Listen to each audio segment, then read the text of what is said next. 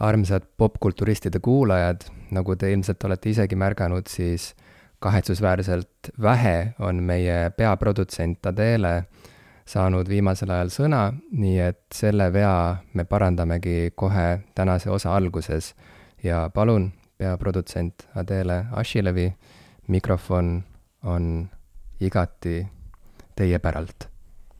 tere, täna ma räägin, täna ma olen popkulturistide peapresident ja mina nüüd räägin eelmise aasta no juudi uudised ja need hakkavad olema väga huvitavad teile. võib-olla te mäletate, võib-olla ei mäleta. nii et üks vana mees oli kodus ja tal oli hästi suur ämbrikuvärk nurgas ja siis ta sai sinna kinni ja peaaegu suri. nii et siis tuli kiirabi ja pidi teda tõmbama sealt välja, aga teine päev uuesti juhtus sihuke asi. teise vanaemaga, kes elas ka seal majas koos selle vanaisaga ja see on põhimõtteliselt kõik, et nad lihtsalt jäid kõik kinni sinna ämblikuvärku ja siis ämblik sõi neid ära aitäh see oli siis eelmise aasta põhisündmuste kokkuvõte peaprodutsent Adela Ashilevilt. me väga täname, et leidsite aega stuudiost jälle läbi hüpata ja ootame teid ikka taga, tagasi, ikka, ikka tihemini kui, kui seni. head aega, minu kallikesed. head aega, meie pea, peapresident. Äh, ma, ma hakkan juba kartma natukene kogu seda seda ämblikuvõrgu teemat, et kui niimoodi kõigepealt üks on ja siis juba, juba teine ja, ja järjest inimesi püütakse kinni ja süüakse ära ämblike poolt, et see hakkab juba vaikselt mingeid endeemilisi nagu mõõtmeid võtma. ja, ja meil ei ole vaja enam uusi, uusi pandeemia algeid, et, et ehk saaks, see on hea, et see uudis nüüd niimoodi siin välja tuli ja, ja meie kuulajateni jõudis, et ehk saaks selle äh, selle asja, selle ämbliku katku siin nüüd äh, kiiresti kontrolli alla, enne kui, enne kui me peame jälle ennast kodudesse lukustama, kuigi ma ei tea ämblikega, võib-olla ei tahakski kodudesse ennast lukustada, et just siin nad ongi. vot see ongi see küsimus, see ongi see küsimus ja me peame mõtlema väga tõsiselt selle üle, mida me just kuulsime. minagi olen tänulik peaprodutsendile, et äh, see. peapresidendile. peapresidendile, vaata kuidas. mul on tunne vaat see on ka asi, mis äh, vaata isegi, vaata pere on ühiskonna, ühiskonna kõige väiksem mudel on perekond, on ju. ja, ja see oli praegu hea näide sellest, kuidas, kui sa, kui sa hoiad silmad, kõrvad lahti ja päriselt märkad seda, mis su pereringis toimub, siis sa oled võimeline ka aru saama, et miks ühiskonnas on asjad nii, nagu on, et äh, arvestades, et meie arvasime, et meil on siin peaprodutsent, aga tegelikult on vahepeal toimunud mingisugune noh äh,, võimuredelil ülespoole liikumine ja on saadud peapresidendiks lausa, et see, see on jälle sihuke kena paralleel sellele, kuidas meil Eestiski asjad äh, niimoodi päevapealt võivad muutuda ja kui sa ei, ei pööra tähelepanu ja ei jälgi mängu, magad maha mingisugused olulised äh, tunnid kuskil, mingid murrangulised tunnid, siis sa võid paar päeva hiljem ärgata, tulla oma udust välja ja järsku, järsku näha, et kõik on muutunud, et äh, pole enam ministreid, keda sa arvasid, et sul on ja, ja, ja, ja kõik on hoopis teistmoodi. nii et ja, ja ühesõnaga ma olin ka siin yeah. reedel täiesti üllatunud, jalutan ma, eks ole, omal seal töökoha koha juures Stenbocki majas ja lihtsalt täiesti järsku, ilma et ma oleks millestki aru saanud, täiesti etteaimamatult ja, ja täiesti niimoodi pahviks lööduna, avastan järsku, et Stenbocki maja õues on harfikontsert. no täiesti noh mm., uskumatu. no vot ja, ja mis puutub sellesse ämblike Äh, ämblikega seonduvasse hädaohtu, mis meid varitseb, et äh, mulle, mulle meenus see ka, et me käisime just äh, mõni päev tagasi Londoni loomaaias perega ja siis seal oli ämblike tuba. see oli selline tuba, mida ma varem polnud näinud, sest et neli aastat tagasi me käisime ka sealsamas loomaaias ja kuidagimoodi äh, ei, ei näinud seda, seda majakest, kus oli ämblike tuba. aga täna, seekord nägime ja, ja see on siis selline tuba, sihuke, sihuke põhimõtteliselt sihuke pisikene troopikatuba, kuhu saab sisse minna ja kus saab jalutada. ja seal on need kuulsad, kurikuulsad kämblasuurused ämblikud äh, elavad nagu vabaduses, et sa saad seal lihtsalt jalutada ringi ja vaadata, kuidas nad ripuvad sul näo ees ja, ja pea kohal ja nii edasi. ja, ja seegi äh, pani mind mõtlema, ma ei ütle, et sellel lool mingisugust nagu pointi oleks, mida ma praegu räägin, aga ma lihtsalt ütlen, et see on veel üks ämblikega seonduv asi, mis mm -hmm. äh, jõudis mu tähelepanu välja paar päeva tagasi. tead, mul on sihuke nüüd juba sihuke tunne, et siin ei ole üldse enam küsimus selles, et, et need kaks lugu on omavahel kuidagi täiesti seo-, seot-, seotamatud või, või, või sellised nii-öelda, ühesõnaga, et need ei ole omavahel seotud. mulle pigem tundub, et sa viisid oma, oma tütre last, mitte lasteaeda, loomaaeda näitasid talle meeletu hulka igasuguseid hirmsaid ämblikke ja, ja ilmselgelt nende uudiste põhjal, mis me just kuulsime, te olete ära traumeerinud. et, et see tundub ikkagi nüüd noh, see tundub ikka päris selge mulle olevat selle seose puhul, mis sa mulle just räägid. et siin ei tundu enam seda olukorda olevat, kus, kus lihtsalt suvaliselt, eks ole, te käisite loomaaias vaatamas ämblikke ja siis nüüd järsku su tütar räägib meile, kuidas ämblikud inimesi ära tapavad, et noh ma ei, ma ei tea, sellest tuleks õppida. loomaaiad on hmm. kurjast hmm. näiteks. okei okay,, et me jõudsime tegelikult ikkagi selleni, et kriis valitseb minu perekonnas ja selle kriisi tõi siia majja ei keegi muu kui, kui mina ise hmm.. no tihti see nagu nende kriisidega on, et, et kuskil on süüdlane ja tihti see süüdlane on sealsamas, samas kriisi sees. ja, ja öeldakse, et kala hakkab mädanema peast mm. ja mina kui perekonna pea, sest meil on väga klassikaline perekond. Äh, on, on Jim nii-öelda kõige üleval ja siis on kõik teised. ja kuna mina olen see perepea, et siis ja, ja, ja ma noh, kes, kes mind lähemalt tunnevad, teavad juba ammu, et ma mädanen mm.. aga kuulajad ei pruugi seda teada. virtuaalsele sellisele noh, nii-öelda lähenemisele või salvestamisele läksimegi, et me ei peaks enam ühes ruumis olema, ma ei kannatanud enam välja. ma ei tea, miks me nii palju lolli juttu ajame kas see tuleb sulle uudisena, et see saade on äh, ainult lolli juttu täis valdavalt ei tohiks enam tulla nagu peale, peale issand, kui kaua me teinud oleme, kas see on meie kuues aasta või? see peaks olema meie on... kuues aasta. kuningannal oli seitsmekümnes aasta just Inglismaal, Ühendkuningriigis äh,. järelikult meil on, kuna me kõnnime kuningannaga ühte sammu ja äh, ja, ja algusest peale ju meie, meie avasaateski ju kuninganna pühitses meie avasaate ju sisse mäletatavasti ja käis, käis Keilas külas. me olime siis Tallinnas. kui me, jaa, aga tema käis Keilas, sest et me ei suutnud talle õiget aadressi anda ja, ja sellepärast jäi ka saatest välja mm -hmm. kahetsusväärselt. aga vähemalt ta nägi Keila ära, mis on ka ju mm. äge iseenesest.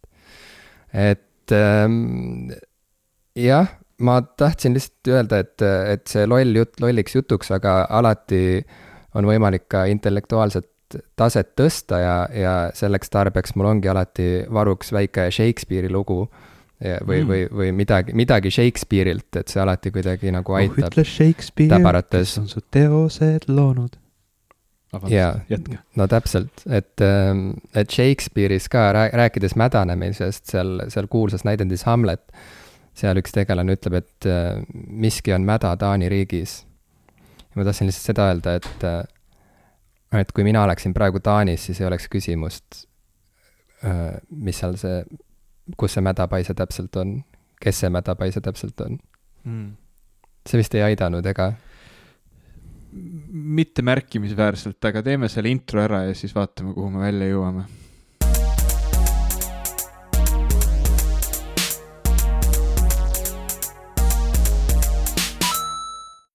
tere, minu nimi on Ivo Krustok. tere, mina olen Jim Ashilevi. ja te kuulate Popkulturiste.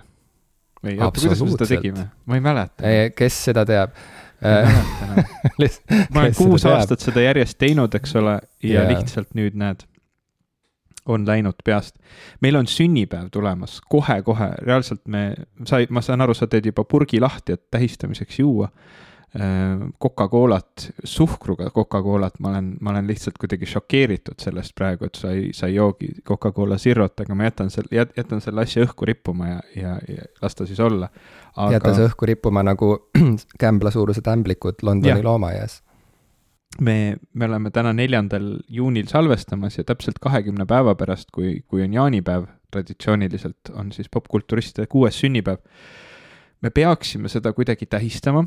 Me ei tee seda kindlasti jaanipäeval, aga ma arvan, et me peaksime juuli alguses tegema ühe, ühe sarnase ürituse, nagu, nagu me siis tegime, kui me oma esimest sünnipäeva tähistasime, sest pärast seda me oleme igasuguseid toredaid asju teinud, eh, oleme, oleme osalenud erinevatel kontserditel, üritustel, käinud eh, siin-seal ikka, eks ole, rääkimas ja, ja teinud ka siukseid live, noh, nii, nii päris live mm, salvestusi kui ka siis selliseid veebi live formaadis salvestusi, aga ma tahaks, tahaks tagasi minna nii-öelda selle, selle esimese aasta, selle, vaata tahaks tagasi garaaži minna, nagu öeldakse, eks ole, kui bänd on kuidagi, kuidagi välja kasvanud ja suureks saanud, et tahaks tahaks minna tagasi sinna, kus me olime. tead, Von Krahlis seal pimedas ruumis, natuke inimesi oli meiega seal, meil oli silt seina peal, mis ilmselgelt lagunes terve aja. meil oli Jarek Kasar, kes, kes ilmselgelt oli andekam kui meie ja, ja noh. no see oli siis, see oli tõmb, siis. tõmbas meilt selle rambivalguse täielikult ära, me põhimõtteliselt võib-olla ei oleks pidanud isegi olema seal. aga, aga ma tahan seda kõike tagasi. ma tahan seda uuesti uuesti kogeda mm. -hmm. nii et äh, meil on natuke aega mõelda, kuidas seda kõike korraldada aga tahtmine on suur. rääkinud tegelikult. jah, mina kuulsin sellest esimest korda. ma isegi ei teadnud, et, et meil sünnipäev on tulemas. ma isegi ei mäletanud seda esimest üritust, mida Ivo siin kirjeldas, võib-olla peaks mingi. mis need ämblikud sinuga tegid, Jim? Hmm? mis, mis, mis, mis need ämblikud tegid sinuga? Kas, kas sa saad sellest rääkida natuke? okei okay,, ma võin rääkida, tegelikult, kes mind paremini tunneb, see teab, et äh, ma olen alati olnud Ämblikmehe suurim fänn. ja eile ma isegi proovisin seda Miles Morales'e Ämblikmehe mängu natukene mm.. see eelmine mäng, mis oli vist kaks tuhat kaheksateist aastal, äh, mis tuli välja kaks tuhat kaheksateist, selle ma tegin läbi ja see mulle meeldis hirmsasti. Ähm, ühtlasi kui ma käisin eile Facebookis, kukkusin, koperdasin kogemata Facebooki, siis, siis seal äh, see mälestuste sektsioon viskas mulle ette video, äh, jällegi nelja aasta taguse video aastast kaks tuhat kaheksateist, kus ma äh, stuudios äh, osalesin häälnäitlejana Ämblikmehe selle Into the, mis see oli, Spider-verse, Into the Spider-verse mm -hmm. äh, filmi dub-, dublaažitrupis osalesin siis ühesõnaga näitlejana ja minu sealt ja ma tegin treileri jaoks ühesõnaga kinkisin oma hääle Peter Parkerile. nii et äh, ühesõnaga sinna täispikka filmi mind ei võetud, et selle treileri pealt saadi aru, et äh, ei ole ei ole mõtet aga, aga vähemalt treilerisse ma sain ja see oli jällegi väike sihuke bucket list'i moment, et, et ma sain, sain olla korraks ämblikmees. ühesõnaga, kui sa oled äh, kuulanud, mida ma just rääkisin, siis on väga lihtne mõista ja jõuda selle järelduseni, et ilmselt äh, see inimene tegelikult kokkuvõttes tahab ise muutuda ämblikmeheks. ja. aga see ei seleta midagi, mis sinu mäluga juhtus. see ei olnud juhus, et me seal, mis mu mäluga juhtus. mälu, mälu enam ei ole lihtsalt äh, mälu asemele, sin-, sinna, kus varem oli mälu, sinna praegu see ämblikumürk, äh, mida mu soontes voolab praegu ohtralt, see, see ämblikumürk äh, marineerib seal siis mingeid uusi võimeid. kas sa oled mulle. kindel, et sa muutusid ämblikmeheks, mitte Venomiks? oi, aga kui mul, mul on selles mõttes nagu. sul on savi mul on niimoodi, et Venom on ühtlasi mu, üks mu lemmik äh, pahalasi äh, üldse, nii et, äh, et mul ei oleks ka selle vastu mitte midagi, kui ma Venomiks mm. muutuksin. okei okay., hästi. mulle need Venomi filmid nagu jubedalt ei ole meeldinud. ja kui ma ütlen filmid, siis ma mõtlen film, sest ma tegelikult olen ainult ühte näinud aga kuna, kuna saade on popkultuurist, siis vähemalt tasub jätta mulje. sa oled kõike näinud et, et ma olen näinud rohkem kui ühte filmi. et mm, -hmm. et need Venomi filmid ei ole väga head olnud, aga, aga Venom ise on alati ikkagi nagu, lihtsalt teeb südame alt soojaks. see on natuke nagu vaata, praegu on, äh, kogu maailm vaatab seda uut Star Warsi sarja Obi-Wan Kenobi mm. ja. mul ei ole Disney plussi enam. No sa kogu aeg räägid, et sul ei ole ja siis vahepeal sul jälle on ja siis sul on mingi ei, Playstationi no, mingisugune kombinatsioon. Läkski ära? ühesõnaga mingi hetk nad ei võtnud mu makseid enam vastu, siis nad ütlesid, et palun lisage uus krediitkaart. Siis ma üritasin seda teha, aga Eestis olles sa ei saa sinna veebilehele üldse minnagi, siis kui ma siin VPN-iga ennast Belgiasse ümber orienteerusin ja, ja sinna läksin, siis neile ei sobinud mu krediitkaart, ühesõnaga ma ei saanud neile enam maksta ja nad panid mu teenuse kinni hmm.. aga juunis väidetavalt tuleb see ka Eestisse, ma ei tea, millal hmm. ja kas, aga noh, ma ei, ma ei ole näinud Obi-Wani näiteks, ma, ma okay. pean kurbusega tunnistama ei, no sa ei pea nagu hull kurvastama, sest et äh, see, see ei ole nagu midagi fenomenaalset ega midagi, et mm., et see on lihtsalt sihuke mõnus taaskohtumine Ewan McGregoriga, kes äh, on, keda on nauditav vaadata ja, ja, ja kes on väga lahe Obi-Wan minu meelest ja, ja tore on näha, kuidas ta on vahepeal vananenud ja ja see sobib sinna konteksti väga hästi, et ta nüüd peabki olema natuke sihuke vanem ja räsitum kui selles äh, esimeses Star Warsi triloogias. ja ma mõtlen esimeses siis selles mõttes, et nagu loo kronoloogia mõttes esimeses kolmes loos. algusega The Phantom Menace siis. et äh, ühesõnaga, kuhu ma tahtsin jõuda, on see, et äh, pahalased ja see, et Obi-Wan, kuigi see ei ole nüüd nagu mingisugune ennenägematult äge sari, et siis ikkagi kohe, kui Darth Vader ilmub ekraanile, läheb kõik jälle palju paremaks.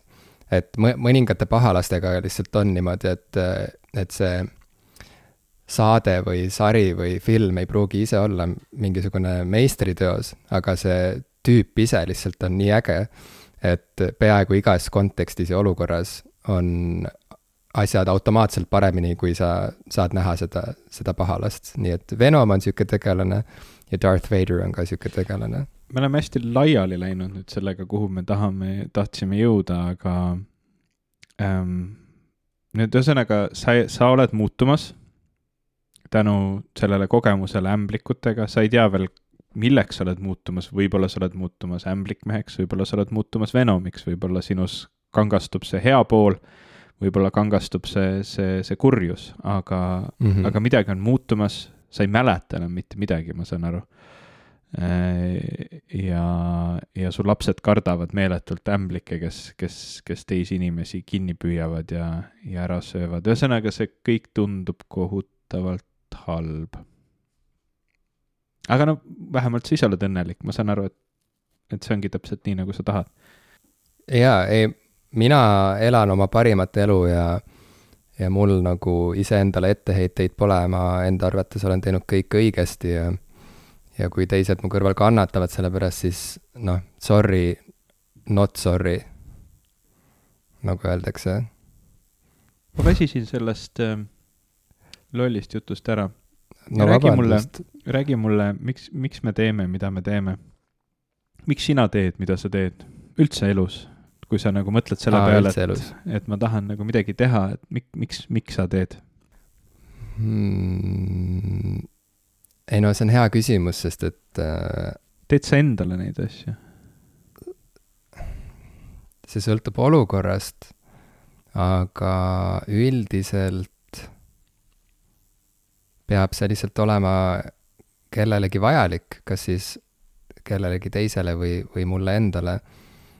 Et see peab mingil määral kas siis äh, säilitama mingisugust stabiilsust kuskil või mingit äh,, mingit asjade äh,, see on, see on, see on nagu asjade jätkumise või, või suhete jätkumise või, või mingite olukordade jätkamise nimel sihuke rabelemine ja, ja vahel see see töö on kellegi teise heaks ja vahel see töö käib nagu enda heaks.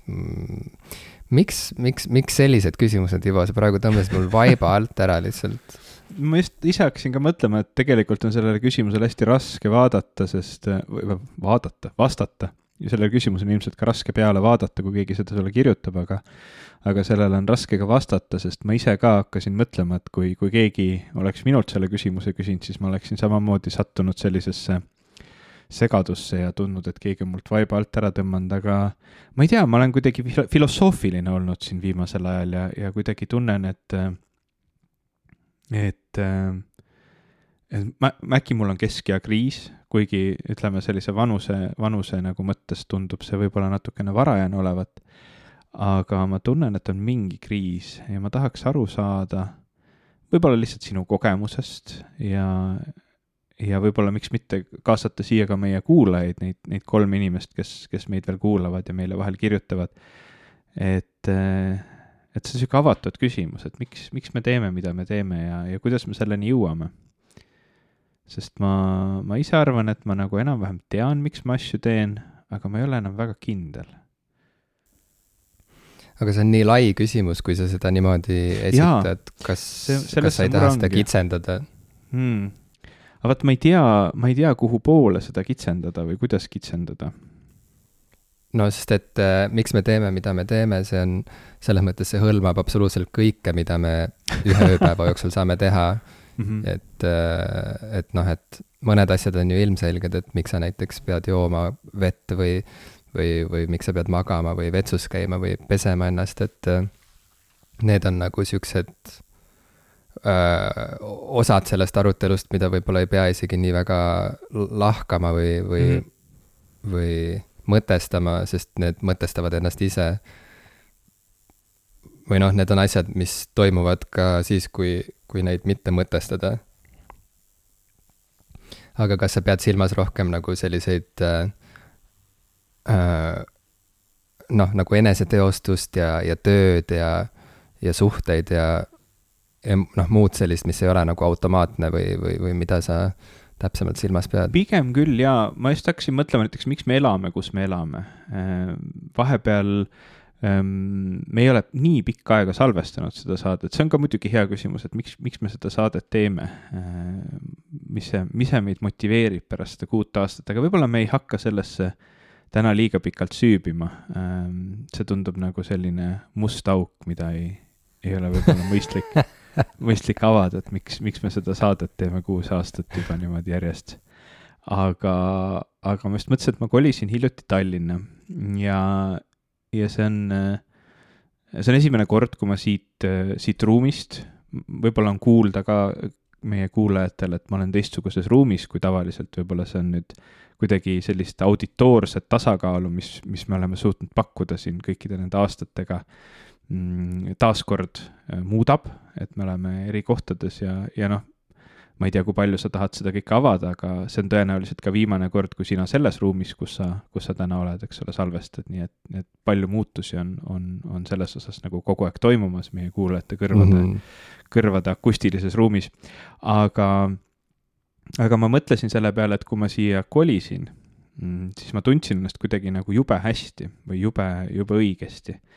ja just niimoodi sellisel, mm, et noh, nagu tunnetada kohe päris täpselt ära, kas, kas see oli ikka õige otsus, siis ma käisin, vot see maja, mida ma siin kunagi ehitasin, ma olen sellest siin saates rääkinud ka, käisin seal see maja sai nüüd valmis, ma koristasin teda, valmistasin ette nendele inimestele, kes sinna elama läksid Mm, üürnikena ja käisin ka aeda korrastamas ja istusin seal ja mõtlesin, et huvitav, et kas ma nüüd tunnen ennast kuidagi sellist äh, kuidagi sedasi äh, kurvana ka, et ma selle valiku tegin või, või on kõik nagu päris õigesti.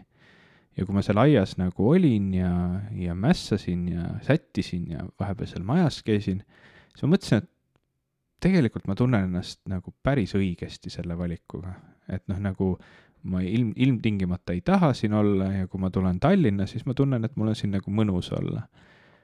Ja see nagu tekitabki hästi palju küsimusi nende nii-öelda motivatsioonide osas, et miks me teeme mingeid valikuid ja noh, kas või näiteks elukoha osas, et, et ma ju ilmselgelt kunagi otsustasin, et see, see valik oli nagu õige, sinna Keilasse minna sellega tegelema hakata. aga nüüd ma tunnen teistmoodi ja see teatud mõttes isegi ma ei saa öelda, et see nagu hirmutab mind, see on selles suhtes nagu tore, et asjad muutuvad ja, ja kõike, kõike seda, aga see tekitab niisuguse kuidagi rahulolematu tunde mingis mõttes. et nagu ma ei tea, kus ma peaksin olema. ja ma saan sellest seisundist ja segadusest väga hästi aru. ja ma arvan, et see ongi mõnes mõttes sihuke lahendamatu asjade seis, et äh, selle küsimusega peab ühel või teisel kujul kogu aeg või noh, nagu ajast aega silmitsi seisma.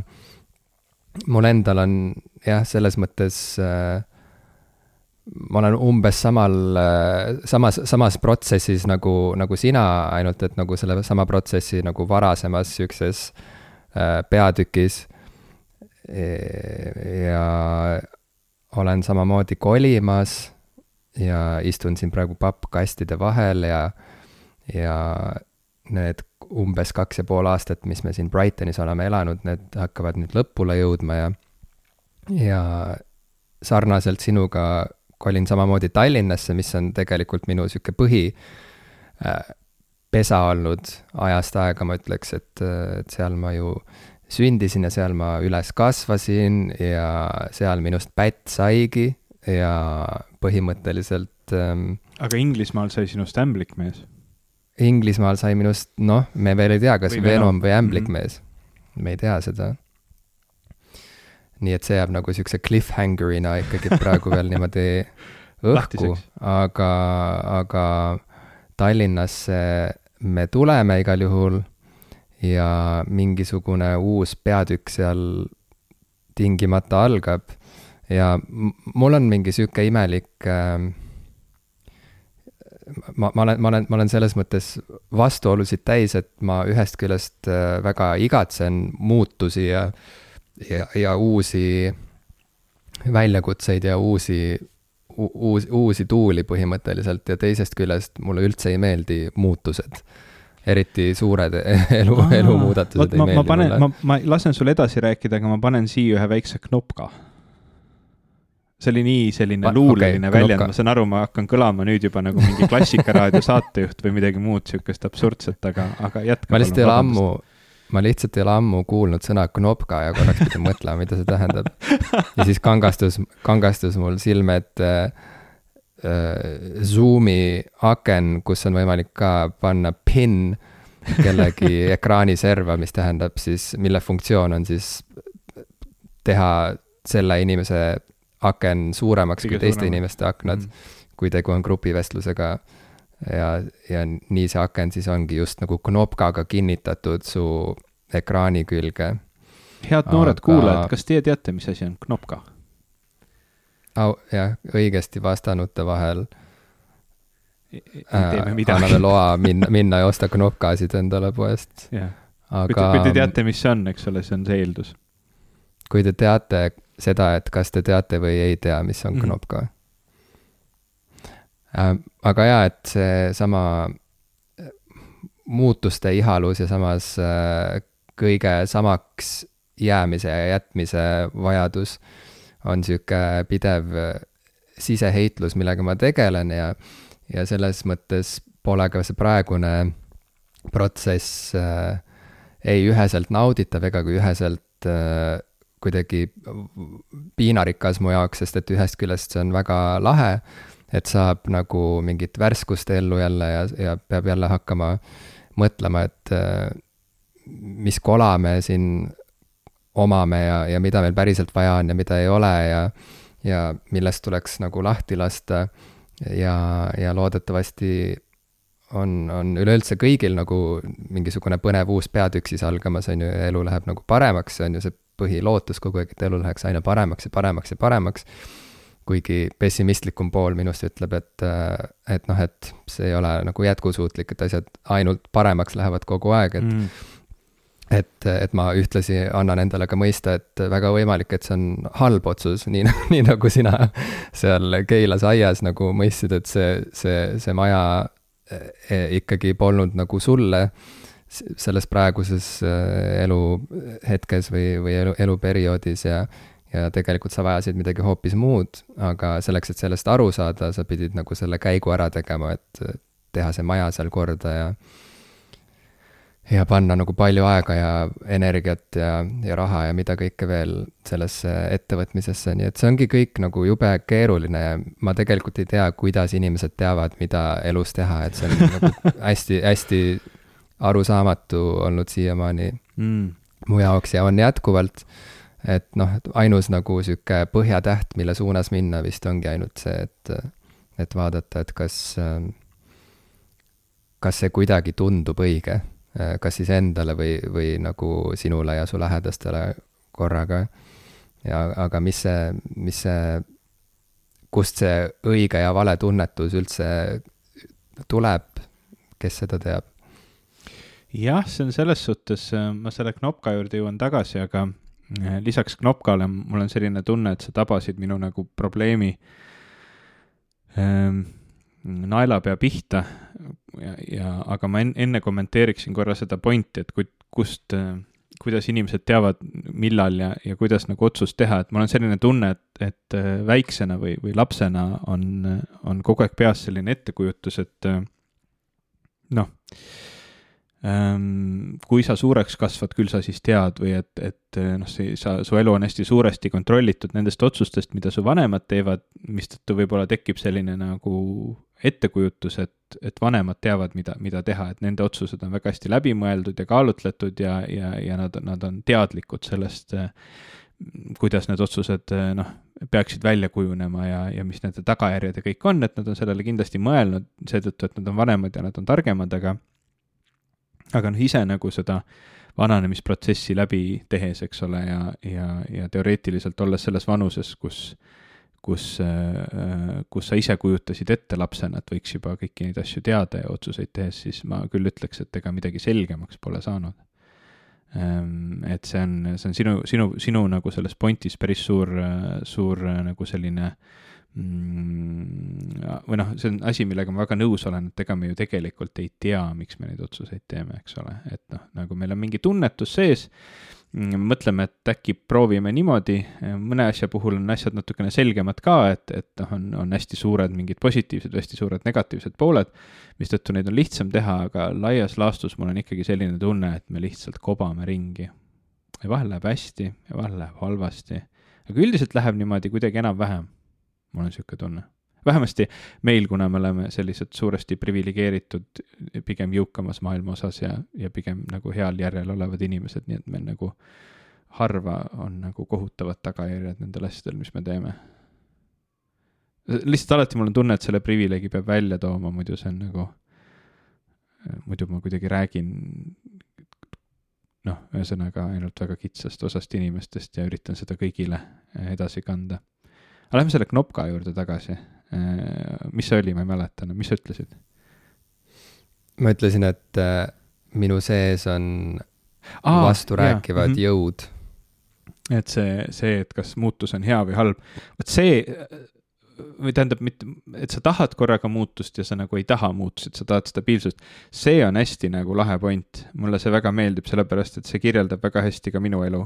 Äh, et ma äh, olen alati tundnud, et nagu kogu aeg tahaks, et midagi muutub ja samas nagu see muutus on kohutavalt väsitav ja tülikas ja, ja samas nagu tahaks lihtsalt stabiilsust. aga ma tean, et nii kui see stabiilsus tekib, siis ma tahaks muutusi ja nii kui muutused tekivad, siis ma tahaks stabiilsust.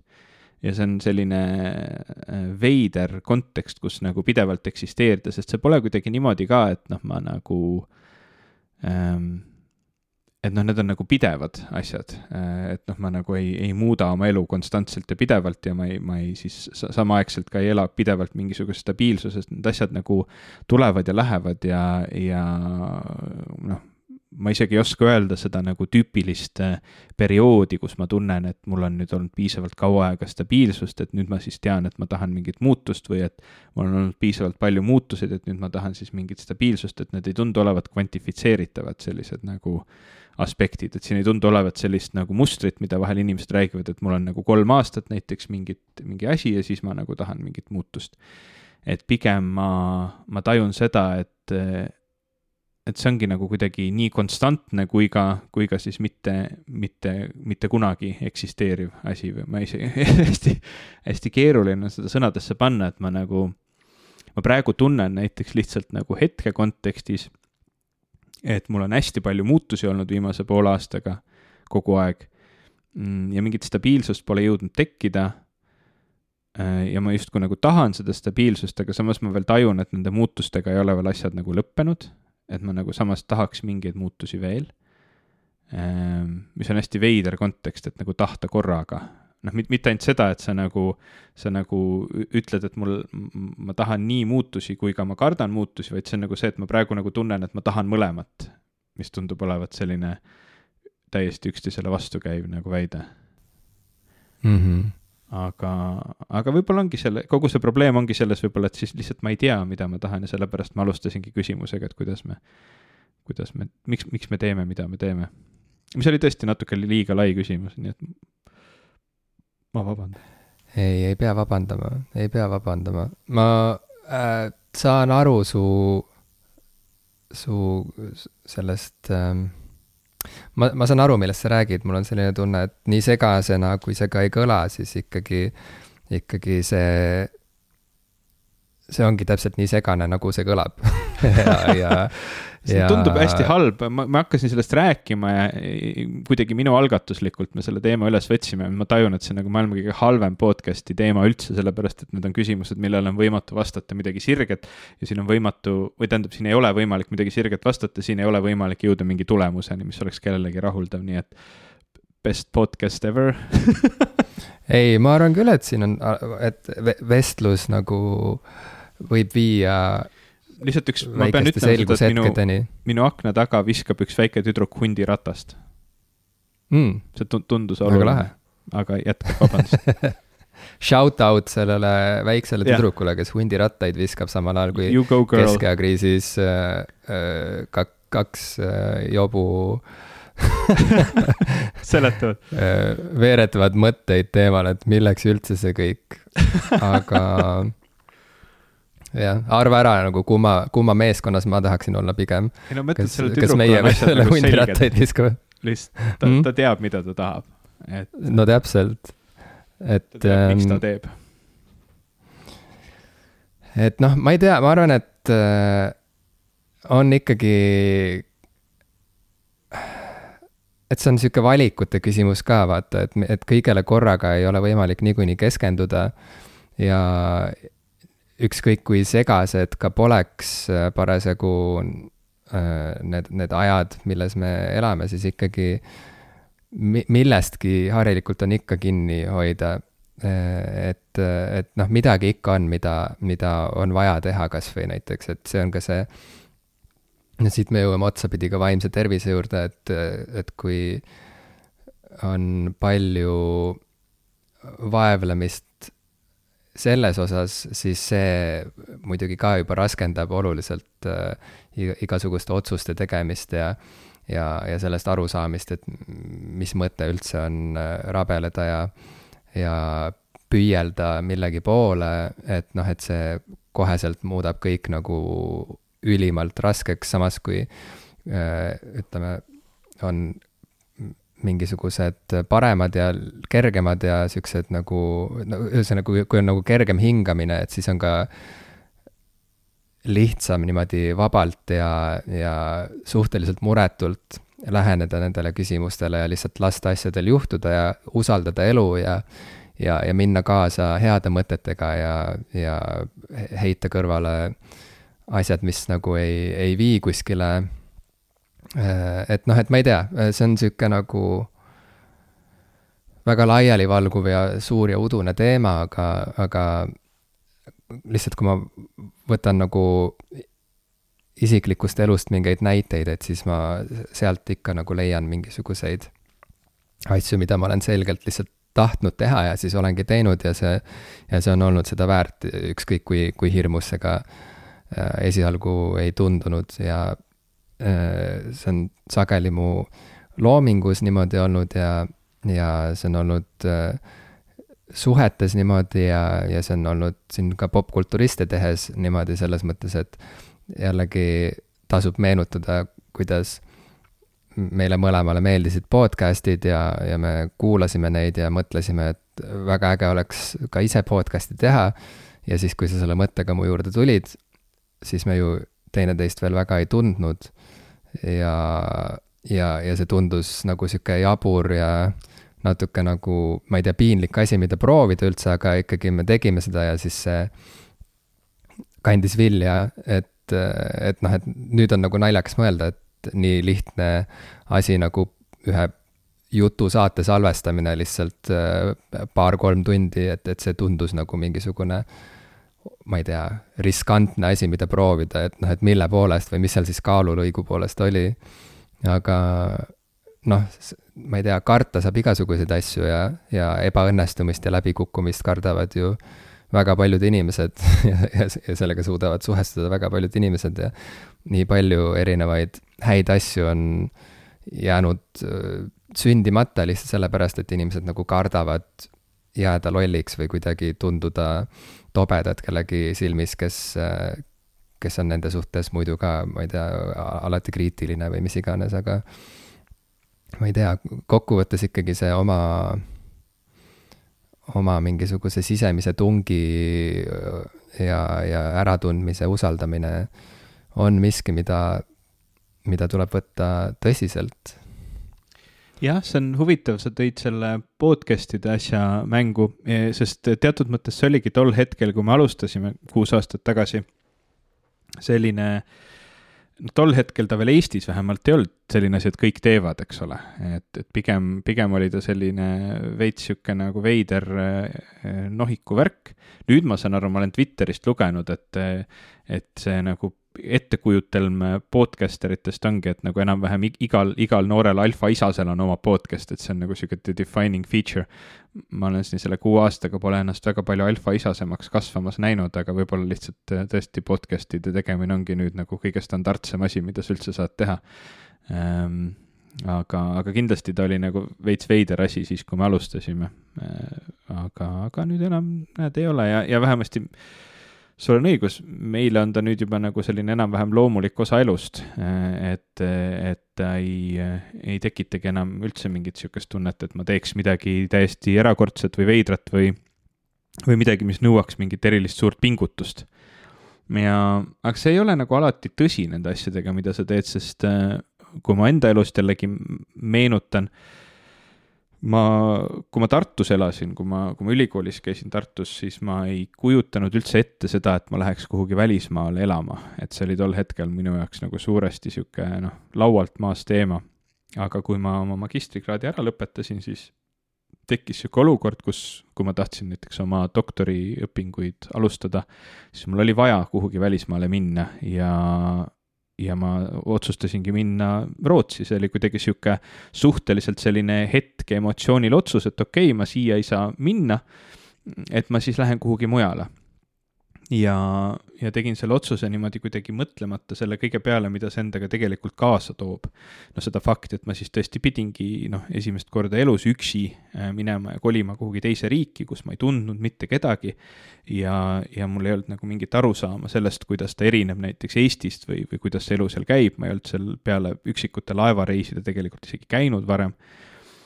noh, nii et mulle nagu tänases kontekstis tundub isegi nagu hirmutav mõelda, et ma selle ära tegin, et mille pealt, et mul ei olnud tegelikult mingit sellist nagu ma ei tea, head alust selle, selle otsuse tegemiseks ja ma ei tunne, et ma oleksin seda kuidagi väga hästi läbimõeldult ja kaalutletult teinud. ma lihtsalt tegin seda. ometi ma olin selleks võimeline tol hetkel ja ma eeldan, et ma olen selleks võimeline ka täna, kuigi see mõte tekitab minus kohutavat õudu. et kui ma täna peaksin lihtsalt üks hetk otsustama või tekib võimalus või vajadus üksi välismaale kolida. Äh, ma ei tea, see, see mõte nagu tekitab minus täna hirmu. ometi ma tean, et ma olen seda varem teinud ja see oli jumala normaalne asi, sellest ei tulnud nagu see, see ei olnud kuidagi nagu võimatu või isegi kuidagi üle igasuguste nagu piiride raske. see kuidagi hästi loomulikult nagu sujus ja sai tehtud. nii et ma tegelikult, ma mõtlen, et see on nagu keeruline mm, keeruline on siit nagu kuidagi isegi järeldada seda, et noh, mingeid asju, me, me enamus asjad, mul on niisugune tunne, me teeme suhteliselt suuresti kõhutunde pealt. Äh, väga paljud otsused, äh, hoolimata sellest, et me tahaksime ise nagu mõelda sellele, et need on hästi läbimõeldud ja kaalutletud ja ma usun, et mingeid otsuseid me teemegi väga läbimõeldult ja kaalutletult, aga noh, lõpptulemusena ma ei ole kindel, kas see läbimõeldud versus kõhutunde pealt tehtud otsusel, kas seal mingit nagu sisulist suurt vahet on sest lõpuks ma usun, et sa nagu alustad ikkagi selle kõhutundega, et mida sa tahad siis. ja, ja, ja küllap sa siis seda nagu tol hetkel teed ja kui, kui see kui see nagu otsuse tegemine selles suhtes nagu kuhugi ei vii või sa seda eh, teha ei suuda, siis ilmselt sa seda nagu piisavalt palju ei taha ka. Aga, aga lõpuks ta tuleb ikkagi kõhutundelt ja, ja seetõttu nagu tagantjärele see analüüsimine, et miks ma siis ikkagi seda tegin, tundub ka nagu hästi keeruline või isegi võib-olla teatud mõttes võimatu et sa tegid seda tõenäoliselt sellepärast, et see tundus tol hetkel nagu jumala mõistlik või, või tehtav lihtsalt, et noh, nagu ma, ma usun ka, et kui ma oleksin samas olukorras, kus mul oleks koht teises riigis, kuhu minna ja, ja näiteks mingi töökoht või noh, mingi kontekst, miks ma sinna lähen, siis ta ei tundu nii hirmutav, sest mul on seal mingisugune noh, nagu Äh, noh, ma ei tea, näiteks tõesti töökoht, sellega kaasnevad ju kolleegid, kellega sa igapäevaselt suhtlema hakkad ja mõnega sa nendest saad sõbraks, sest elus niimoodi asjad lähevad.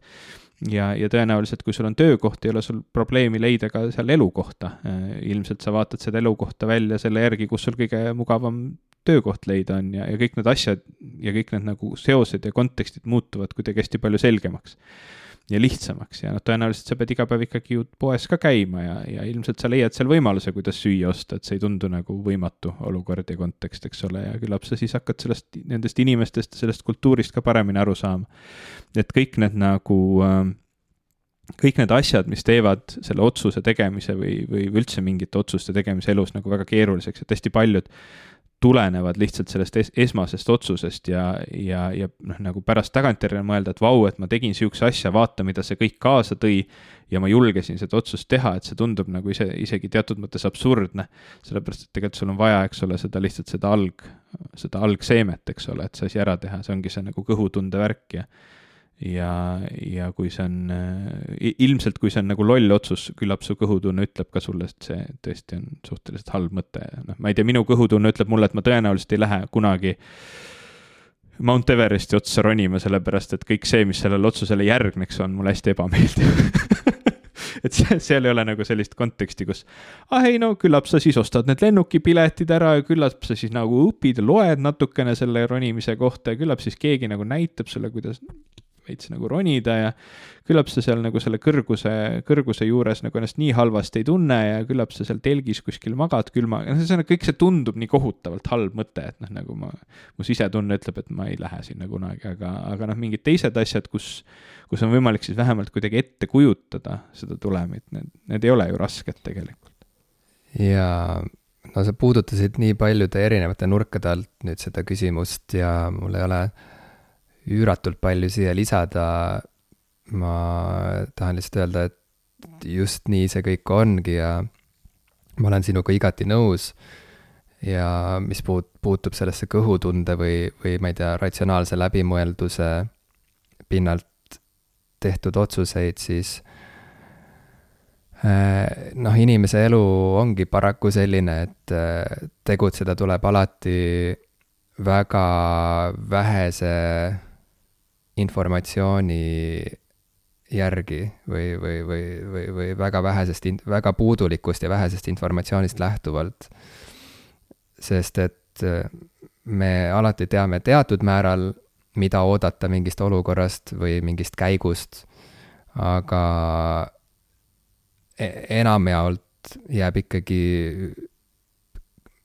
see, see, see kõik nagu, kõik need võimalikud väljavaated ja kõik need võimalikud äh, ähm, tulemused jäävad meile nagu müstikaks äh, kuni selle hetkeni, kui midagi päriselt siis muutub või, või sünnib. ja nagu sa ütlesid, et sihuke pimeduses kobamine, noh, üldiselt see iseloomustabki hästi elamist või, või sihuke siiludus tüüpi olukord, kus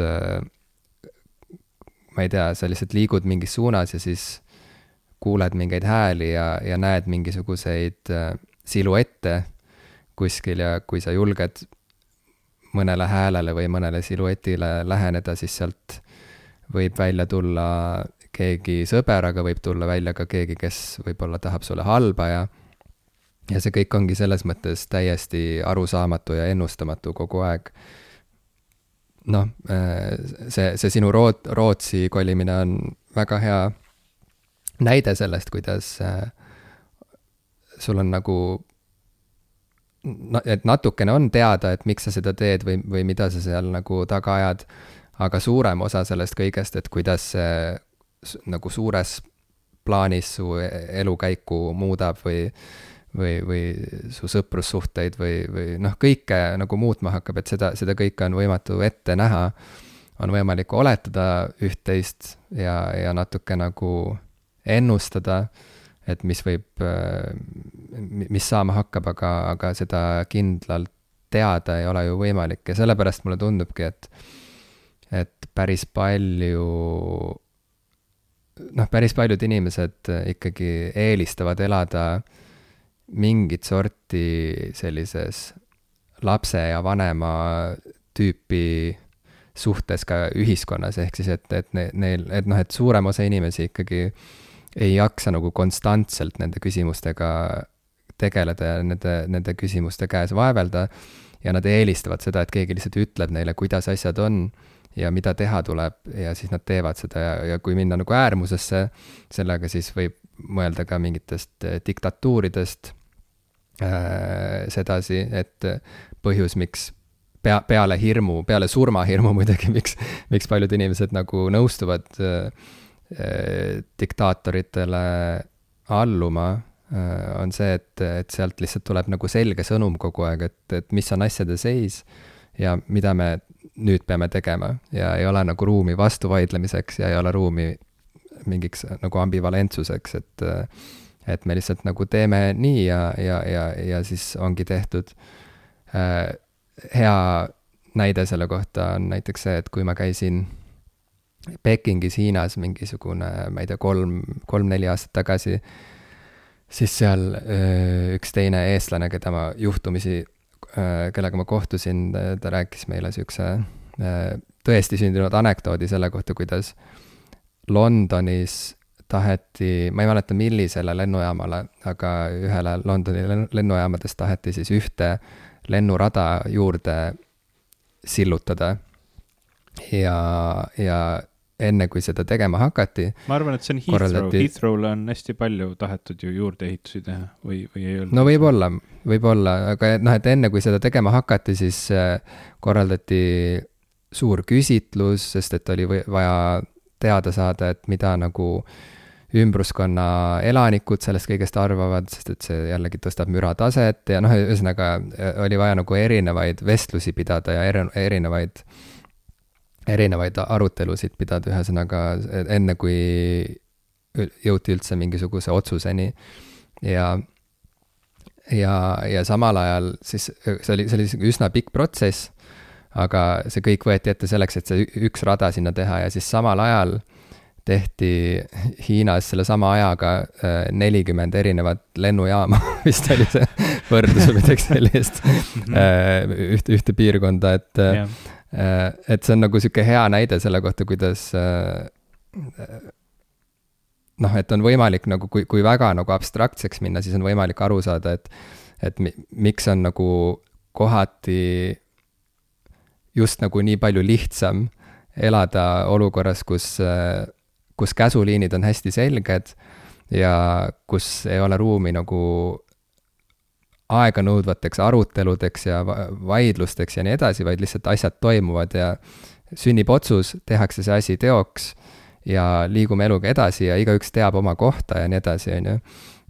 ja siis on niisugune nagu hamletlik sihuke, ma tõin jälle Shakespeare'i siin mängu, sest et äh, miks mitte, aga sihuke hamletlik äh, olukord, milles äh, elada, et, äh, et, et kõik on kogu aeg nagu ebaselge ja kõik on kogu aeg kuidagi lahtine ja võib-olla nii ja võib-olla ka naa.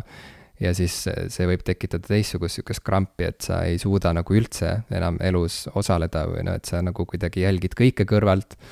ja jäädki nagu mõtisklema ja samal ajal elu veereb lihtsalt mööda ja, ja, ja see ja, ja mitte lihtsalt ei veere mööda, vaid, vaid seal toimuvad ka mingid asjad, mida mida sa mitte mingil juhul poleks tahtnud, et, et sünniks, aga sa oled seal paratamatult nagu kaasosaline, sest et mm. sa ei võtnud, ei võtnud äh, seisukohta, sa ei teinud teoks midagi, mida sa, mida sul oli võimalik teha, sest et sa kahtlesid, sa mõtlesid, sa kõhklesid. et äh, ja, ja ka selline seisund on nagu sada protsenti kuidagi sellega on nii lihtne suhestuda, sest et nii ju ongi, sest et kuidas mm. me teame, mis on õige ja mis ja, on vale. et äh, ühesõnaga, see on sihuke, see on jah, et elu on paratamatult sihuke udus, udus ringi uitamine ja, ja me teame natukene, me, me, me, me, me alati teame midagi ja, ja see, see, mida me teame, on üsna väike osa sellest, mida oleks võimalik või, või isegi vaja teada. aga kuna meil ei ole ka eriti nagu alternatiive, siis tuleb lihtsalt äh, selle olukorraga leppida ja, ja, ja lihtsalt loota põhimõtteliselt, et, äh, et sa võid oma intuitsiooni usaldada ja et isegi kui asjad lähevad nässu, et siis sealt on võimalik kuidagi liikuda edasi mingisse nagu paremasse kohta, et sealt on võimalik äh, välja kasvada ja, ja, ja paranemine on võimalik ja, ja edasiliikumine on võimalik. jah, ma arvan, et sinna võibki selle asja praegu õhku jätta. ei olegi enam nagu õieti midagi lisada ausalt öeldes. nii, Obi-Wan Kenobist me siis rääkida ei saa, ma saan aru, sest et ma ei ole vaadanud, Disney pluss ei tööta, sa ei ole vaadanud ei peagi rääkima tingimata. ma ei ole kinos ka käinud, ma, ma ei ole neid Marveli uusi filme näinud, ma ei tea, mis mul viga on, ma ei ole lihtsalt kuskil käinud. vahepeal kõik inimesed käisid vaatamas seda filmi, mille pealkiri on Everything Everywhere All at Once. jaa, sa ütlesid, et ma peaksin seda vaatama minema ja ma ei ole läinud. kas seda, oota, ma vaatan korra kiirelt, kas seda veel saab kinos vaadata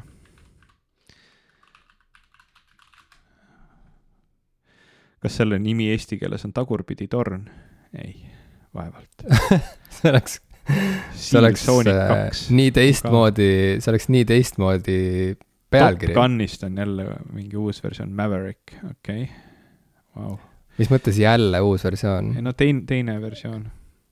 kas see sa tahad öelda, et, et, et sa, et, et, et, et sind ei, sa, sa jäid täiesti puutumata nagu kogu sellest meediakampaaniast, mis seda Top Guni saatis viimased, ma ei tea, kolm aastat või Tund,? tundub nii okei üsna üllatunud ähm,.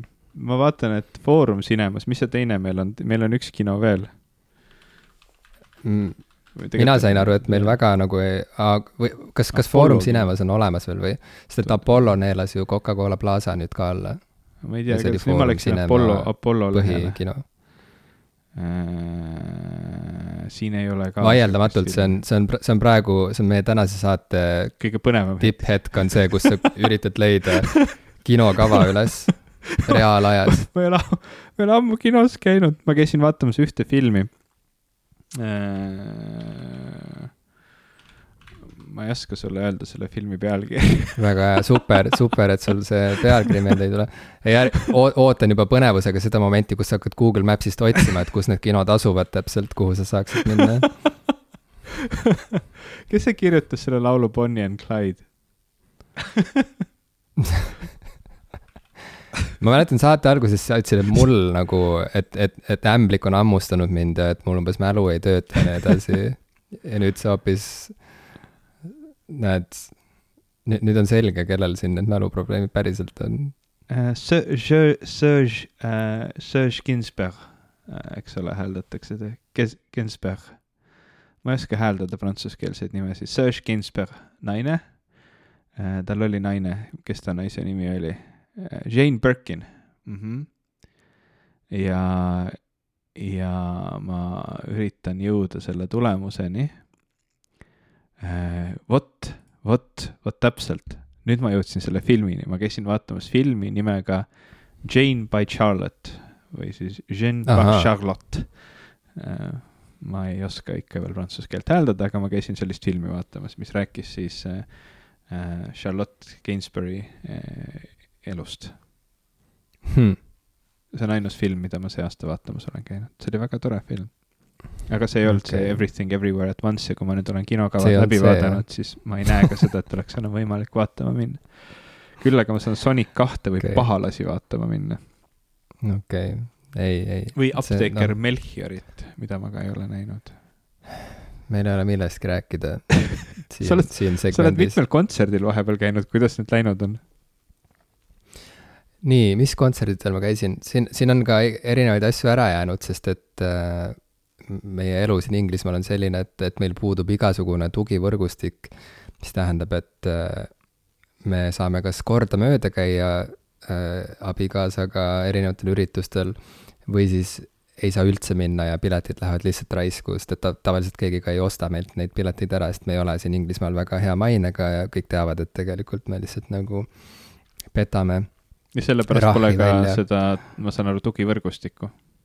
Ja sellepärast ei ole ka tugivõrgustikku, me jõudsimegi selle probleemi tegeliku põhjuseni.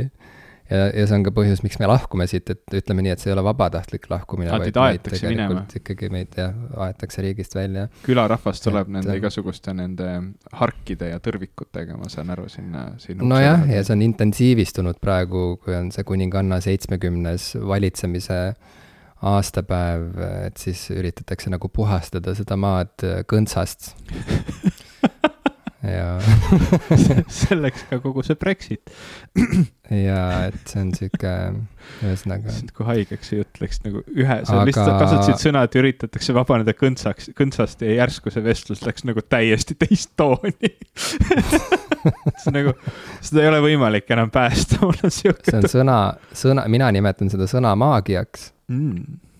vaat kuidas nagu üks sõna võib muuta kõik.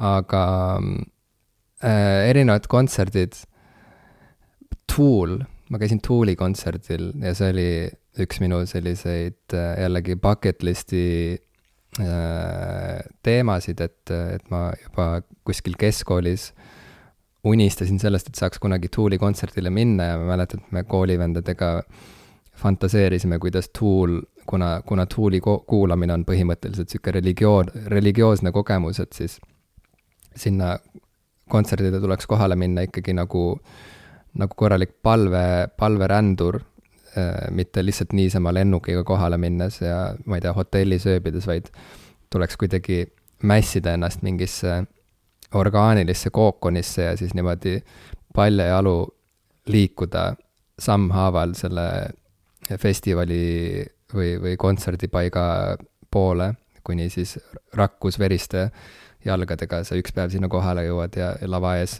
oma kookonis niimoodi korisedes äh, kaasa laulad äh, tuuli, äh, tuulilauludele. aga põhimõtteliselt seekord ma ikkagi nagu noh, läksin sinna nagu sihuke tava, tavainimene ja, ja ma vedasin oma keskkooliaegset mina alt, selles mõttes ma lihtsalt läksin sinna rongiga ikkagi ja, ja pärast sõitsin rongiga koju ja, ja kasutasin isegi kõrvatroppe seal kontserdil äh,. nii et ma ei lasknud nagu nendel äh, kitarririffidel ja, ja, ja Maynard James Keenani häälel ei lasknud nagu lõhestada oma kolpa päris, vaid äh, ikkagi panin väikse siukse nagu äh, blokeeringu ette, sinna kuulmekanali ette mm ja, ja no ma ei tea, mis ma oskan öelda, et sihuke pool elu äh, oodatud üritus, on ju aga see oli sihuke kummaline kogemus, et vaat mul on niimoodi, et ma nagu kardan kontserte tegelikult sageli, sest et kui äh, ja mitte sellepärast, mitte nagu kõige tüüpilisemate põhjuste pärast, nagu harilikult vaata paljud inimesed näiteks lihtsalt, neile ei meeldi olla nagu äh, rahvasumma sees, vaata, ja neile ei meeldi, kui noh, eriti kui see on mingisugune sihuke äh, ma ei tea, noh, sihuke muusika, kus inimesed võivad hakata nagu tõmblema ja rähklema, on ju, et, et siis see nagu tundub äh, nagu sihuke halb olukord, millesse ennast äh, panna paljudele inimestele, et mul nagu noh, esiteks ma niikuinii ei käi eriti kuskil väljas ja, ja muidugi mulle ka ei meeldiks, kui nagu keegi nagu tõmbleks mu kõrval või, või kui mingi viiskümmend inimest mu kõrval tõmbleks ja vehiks käte ja jalgade ja peadega niimoodi ma võiksin haiget saada aga noh, et Tooli kontsert oli selles mõttes hästi sihuke tsiviliseeritud, äh, kõik istusid, hästi suur, seal O2 areenal toimus see Londonis, mis on kuulus kontsert, kontserdipaik ja seal on tõesti nagu mitukümmend tuhat istekohta isegi. ja, ja Tooli kontsert äh, oli niivõrd äh, läbi lavastatud ja sihuke täpne sihuke installatsioon, et see tegelikult nagu kummalisel kombel vaata, ma ütlesin, et ma kardan kontserte, et see, see kartus tulebki sellest, et ma nagu, kui ma midagi väga olen oodanud või kui ma kedagi väga olen fännanud, siis see, sinna nagu kontserdile minemine on peaaegu, see tekitab peaaegu samasuguse vastiku tunde nagu mingile nagu esimesele kohtingule minemine, aga, aga mitte nagu äh, aga et see on nagu ühtlasi ka sihuke ühepoolne, et see teine inimene ei tea, et ma temaga ko esimesele kohtingule lähen. Okay.. ja, ja, ja samas, ja samas ma ise olen veetnud võib-olla rohkem kui kümme aastat nagu temast unistades mm, ja, ja, ja, ja mõeldes, et, et kui hästi me kokku sobime ja nii edasi, on ju, et siis bändidega on sageli sama, sama lugu, et ma nagu kardan pettuda või ma kardan, et, et ma ei suuda nagu emotsionaalselt vastu võtta seda kõike, et see võib olla kas nagu liiga äh, äge kõik ja liiga liigutav või see vastupidi, võib olla midagi hoopis teistsugust, kui ma ette kujutasin. ja, ja, ja siis ma pettun ja siis ma pigem soovin, ma poleksin, poleks seal olnud või midagi sellist, on ju. ja, ja äh, noh, Morrisseiga on olnud varem nagu paar sihukest kogemust, ma vist olen kaks korda käinud Morrissey kontserdil või, et need on, need olid igal juhul nagu väga positiivsed, Deftonesiga samamoodi nagu väga positiivne mm -hmm. ikkagi õnneks aga Tooliga oli nagu niimoodi, et, äh, et see vaata, nii nagu see nende muusika on ülimalt keeruline ja läbi komponeeritud mm -hmm. ja ma ei tea, millimeetri Üli täpsusega sihuke mm -hmm. nagu noh, jah, nagu lihtsalt nii täpne ja nii läbimõeldud muusika, et seal nagu tegelikult ei ole ruumi spontaansuseks või, või nagu vigadeks või sellisteks nagu huvitavateks vigadeks, et nii see kandub üle ka sinna äh, kontserdi olukorda, kus neil on tegelikult kõik sekundi pealt ette valmis lavastatud ja, ja nagu paika pandud. ja selles mõttes see oli nagu, ma võiks isegi öelda, et nagu igav kontsert mm.. et äh, kuigi kõik kõlas väga ägedalt ja, ja oli isegi moment seal, kus ma tundsin, et isegi võttis natuke nagu härdaks olemise, siis äh, siis ikkagi nagu vaatamata nendele vägevatele äh, visuaalidele, et seal oli kaks sihukest suurt ekraani ja, ja üleüldse kogu, kogu kontsert toimus äh, nagu loori taga, et, et bänd oli sihukese läbipaistva sihukese äh, kardina taga terve, terve aja te,, ter-, kogu selle kahe tunni vältel, mis nad seal laval olid. ja nende peale lasti siukse projektoriga siis siukseid suuri visuaale, mis olid kõik väga siuksed psüh-, psühhedeelsed ja ja siuksed nagu viirastuslikud, sürreaalsed. et siis ikkagi jah, et see oli nagu noh, seal ei olnud sihukest momenti, kus keegi oleks nagu, ma ei tea, rahvaga otse suhelnud või oleks nagu hüpanud publikusse või et kuidagi, et oleks olnud tunda, et see tõesti toimub siin ja praegu, et see oli pigem nagu nii täpne ja, ja selline veatu, et sama hästi nad oleksid võinud olla ise ka hologrammid see, see natuke meenutab mulle ühte arvustust, kui tuli äh, Rammsteinil tuli uus plaat vahepeal välja, ma ei tea, kas sa panid tähele, kas sa oled jõudnud kuulata? Äh, mul siin üks sõber Inglismaal saadab mulle järjest kõiki neid Rammsteini videoid mm.. Äh, kohe, kui uus video tuleb välja, siis ta saadab mulle. Need on väga, väga uhked videod olnud, plaadi nimi oli Zeit ehk siis aeg ja, ja keegi, ma, ma ei mäleta, kelle arvustus see oli, üks, üks nendest suurtest ajalehtedest või ajakirjadest, kes tavaliselt tähtsaid plaate, eks ole, arvustab. ja seal autor oli kirjutanud umbes niimoodi, et et midagi nagu väga sellist üllatusväärset siin ei ole, et Rammstein on, on komponeerinud ideaalse Rammsteini plaadi, kus on isegi kuulda täpselt neid kohti, kus laval pürotehnikale cue on antud mm. -hmm, et noh, nagu sa mm, -hmm. et see on nii, nii läbi treitud, eks ole, selline lähenemine juba noh, ka Rammsteini puhul, eks ole, et sa nagu juba, juba täpselt tead ära, mis hetkel see plahvatus laval toimub, eks ole ja, ja, ja, ja, ja. et noh, kusjuures jaa, naljaks, et sa seda praegu, et sa selle niimoodi välja tõid, sest et seal kontserdil, vaata, Tool on sihuke bänd, mida minu meelest on kõige parem kuulata niimoodi albumi kaupa ja tõesti niimoodi, et sa kuulad albumi otsast lõpuni tervikuna läbi, sest et see kõik on sihuke üks mm. suur tervik. Äh, et siis, kuna nad seal kontserdil mängisid erinevaid palasid erinevatelt albumitelt, siis see tõi selgemini kui kunagi varem minu jaoks välja selle, kui sarnased on Tooli erinevad laulud. et ühesõnaga, et kõik need nagu meloodiad ja need siuksed peatükid, millest äh, Tooli lood harilikult koosnevad, sest neil on ju väga pikad lood, mõned neist on võib-olla mingi viieteistminutilised lausa. Äh, et, et see kõik muutus nagu väga nagu sa ütlesid just, nagu väga selliseks nagu retseptipõhiseks ja kuidagi etteaimatavaks. Ähm, noh, mis ei olnud iseenesest mingi suur probleem, sest et need on kõik ikkagi väga head laulud, aga kuna ma taipasin seda olukorras, kus ka see kontsert ise oli väga nagu, nagu ette programmeeritud maiguga või noh, et see ei olnud isegi maik, vaid see oligi, nii see oligi see oligi väga ette programmeeritud mm. sihilikult mm et siis see kuidagi pani mind mõtlema lihtsalt tegelikult selle peale, et miks, miks ma üldse kontserditel käin.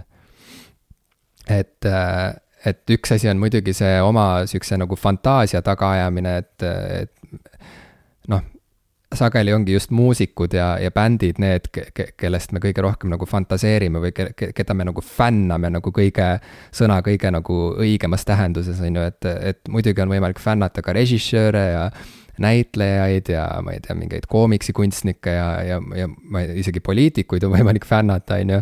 aga, aga noh, et sihuke nagu kõige toorem, kõige ma ei tea, puhtam sihuke fännamine tavaliselt algab ikkagi juba teismeeas sellega, et sa paned mingite lemmikmuusikute plakateid endale seinale, on ju, ja ja ma ei tea, võib-olla paned oma telefoni taustapildiks oma mingite lemmikbändide pilte ja siis äh, ja siis ongi nagu nii, et kuidagi see muusika nagu saadab sind läbi elu, on ju, ja, ja kuidagi hakkab nagu tähistama sinu enda elu tegelikult ja sinu enda kuidagi teekonda. Ja, ja, ja siis, kui see, kui lõpuks nagu minna, avaneb võimalus kedagi laivis näha, et siis, siis see ongi kohtumine fantaasiaga natuke või sihuke, et sa lähed nagu, sa lähed tegelikult kohtuma mingi osaga iseendast või midagi sellist, et see on sihuke noh, väga suur nagu ja sügav kogemus või noh, see võib olla seda. aga jah, et miks, miks üldse käia kontserditel, et siis seal Tooli kontserdil ma ikkagi sain aru, et tegelikult ma otsin äh, ma tahan kontserdilt saada midagi sellist, mida ma tegelikult plaati kuulates ei, mm -hmm. ei saa. et ma tahan, et see barjäär nagu natuke lahustuks minu ja selle bändi või minu ja selle muusiku vahel. Et ma lähen otsima nagu sihukest otsekontakti või sihukest vahetut kogemust või vahetut sidet või, või, või suhtlust. ja kuna Tool oli nii sõna otseses mõttes kui ka piltlikult loori taga terve, terve kontserdi aja või ekraani taga, on ju, et siis ta ikkagi kokkuvõttes tundus nagu sihuke ettevõtmine, et nagu kinos käik. Nagu kinos käik või noh, et, et või, või, või, või nagu kinos ooperi vaatamine või mingi mm. sihuke nagu, sihuke kogemus, kus ma mõtlesin, et hmm, tegelikult nagu mulle nagu ma eelistan kuulata plaadi pealt seda kõike mm. -hmm. et, äh, et sest, et see kõlab nagu sama hästi, pluss sealjuures nagu ei ole nagu neid muid segajaid, et ei ole nagu ma ei tea, viiteist tuhandet inimest, kes sagivad ringi ja, ja kes tahab vetsu minna ja kes pillab õlut mulle sülle ja kes nagu räägib kõva häälega ja, ja noh, et ja kas ma rongile jõuan ja noh, ühesõnaga mingid siuksed nagu lisaprobleemid, mis sinna nagu juurde tulevad ja, ja ja sellele võrdluseks näiteks Ariel Pinki äh, kontsert, mis toimus seal Noblessneris, enne kui see korda tehti. et see oli võib-olla mingi viis aastat tagasi või viis-kuus aastat tagasi. Et see oli nagu ootamatult äh, osutus nagu üheks kõige ägedamaks kontserdikogemuseks, mis mul on elus olnud. aga. sest et seal oli täpselt see, et Ariel Pink lihtsalt nagu, kogu see bänd oli lihtsalt nagu nii elus ja nii kohal ja, ja, ja nii näos ja nii turjal nagu publikul. et see oli nagu teistpidi juba peaaegu liiga intensiivne, aga see oli ikkagi kokkuvõttes, mul oli sihuke tunne, et ma kogesin midagi sihukest, mis juhtus praegu ainult üks kord üldse ajaloos või noh, et saad aru. Ja, ja see oli midagi, mida ma ei oleks saanud sealt nagu plaadi pealt või polnud saanud. aga ütle mulle seda, et kas sa mm, kui sa käisid Ariel Pinkil, kas sa käisid seal mingite sõpradega või, või, või, või...? ma olin üksi seal kusjuures. okei okay,, ja Toolil ka? Äh, Toolil ma käisin sõbraga. väga huvitav, sest siin ma tahtsin tegelikult kuidagi nagu jõuda selleni vähemalt, mis on minu nagu enda tunnetus olnud, et kui ma üksi käin kontserdil, siis, siis mul on sellega nagu, siis ma pigem kuulaks plaati ausalt öeldes teatud mõttes. et see on nagu selline mm -hmm. kontekst, kus noh, nagu see kontsert annab mulle ka vähe juurde, sellepärast et et ma olen seal üksi ja ma nagu jagan seda kogemust korraga nagu hästi paljude inimestega, aga ja ma olen sinuga sada protsenti nõus, et tegelikult ma tahaks, et kontsert annaks mulle midagi enamat kui, kui lihtsalt see plaadi kuulamine, midagi peaks olema teisiti, midagi peaks olema toorem, midagi peaks olema noh, nagu selline omapärasem, omamoodi. Aga mul, noh, ma, ma nagu enda sihuke tunnetus sellest, mida sa rääkisid, oli see, et mul on selline tunne, et ma hindan äh, kontserdil käimise juures kõige enam seda, kui ma saan seda kogeda sõpradega, sest siis mul on inimesi, kellega sellest nagu hiljem, noh, kellega ma seda kogemust jagan ja ma saan nendega sellest rääkida, ma saan, noh, nagu ma, ma tunnen, et ma ei ole selles kogemuses üksi aga kui ma käin kontserdil üksi, siis tõesti noh, nagu ma tean küll, et ma jagan praegu seda kogemust siin, aga see, see ei, see ei jõua nagu minuni kuidagi tagasi, et need on minu jaoks võõrad inimesed, see, kas ma nendega seda jagan või mitte, ei lähe mulle otseselt korda. Nii et mul on, mul on nagu see tunne sealjuures, et, et selleks, et kontserdikogemus oleks seal kuidagi eriti äge, et see peaks olema sõpradega, noh, kuna, kuna sa ütled mulle praegu, et sa käisid Toolil sõbraga ja see ei olnud nagu nii äge Äh, noh, mitte see ilmtingimata, et sa sõbraga käisid, lihtsalt see kontsert ei jätnud sellist nagu muljet, aga samas, kui sa käisid, eks ole, Ariel Pinkil üksi, siis see või kontserdi enda nagu olemus oli juba nii äge, et see, see, see, sellest juba ainuüksi piisas, eks ole, sinu jaoks. Jah, et see, see on ka see, aga muidugi alati on toredam minna kellegagi koos kontserdile, selle, sellega ma olen sada protsenti nõus. et äh, noh, mul kinoga näiteks ei ole seda tunnet, et on, on inimesi, kes üldse ei taha näiteks üksi kinos käia, aga mul on nagu sageli isegi hea meel minna nagu üksi kinno, äh, samas kui kontsert on ikkagi nagu sihuke mm, noh, nagu vabam olukord kui kino, on ju, et, et kui kontserdil sa no nagu on lubatud kaasa elada ja mm, -hmm. ja ma ei tea, seal kaasa laulda ja, ja, ja, ja vehkida kätega et siis kinos on ikkagi reegel see, et, et sa pead olema nagu vaikselt ja lihtsalt nagu vaatama, vaatama yeah. filmi ja, ja mitte segama teisi Ideaalis, kaasaelamisega. ma olen käinud üksikutel seanssidel, kus nagu elatakse kaasa ja see on hästi äge olnud, noh näiteks ma olen siin ka rääkinud äh, kui oli see Avengersite, issand, mul ei tule selle nimigi enam meelde, äh, viimane film. lõppmäng. lõppmäng, jah. lõppmäng, lõppmäng. siis ma käisin seda Brüsselis kinos vaatamas sellisel südaöisel esilinastusseansil ja seal inimesed huilgasid ja hüppasid rõõmust äh, erinevate stseenide peale, nii et, et see oli nagu äge. aga jah, tavaliselt tõesti sa istud kinos nagu pigem tasa. jaa, aga et et äh, noh, võib-olla lihtsalt, et kirjeldada, et mis seal Ariel Pinki kontserdil nii teistmoodi oli, et siis see oli põhimõtteliselt see, et esiteks bänd ei olnud nagu publikust nii väga eraldi, lava küll oli, aga see lava ei olnud tohutult kõrge. Ja, ja kuidagi selles äh, lagunenud vanas lao- või tehasehoones või mis, mis ta seal oli kunagi, laevatehas, äh, et seal seal oli nagu, ma ei tea, publik nagu sai nagu vabalt, oli palju rahvast, aga samas oli ka ruumi nagu ringi liikuda. ja ka see bänd ise, noh, ka laulja ise vahepeal nagu tuli seal publikusse ja vahepeal oli isegi mingisugune nõme moment seal, ma ei mäleta, ta vist nagu kuidagi seal nagu kogemata umbes lõi mingit naist nagu kes, kes seal okay. rabeles seal publikus, midagi läks nagu valesti seal, ma ei tea, kas ta üritas nagu patsu lüüa või mis iganes, see naine okay. sai hoopis mingi slap'i nagu, et.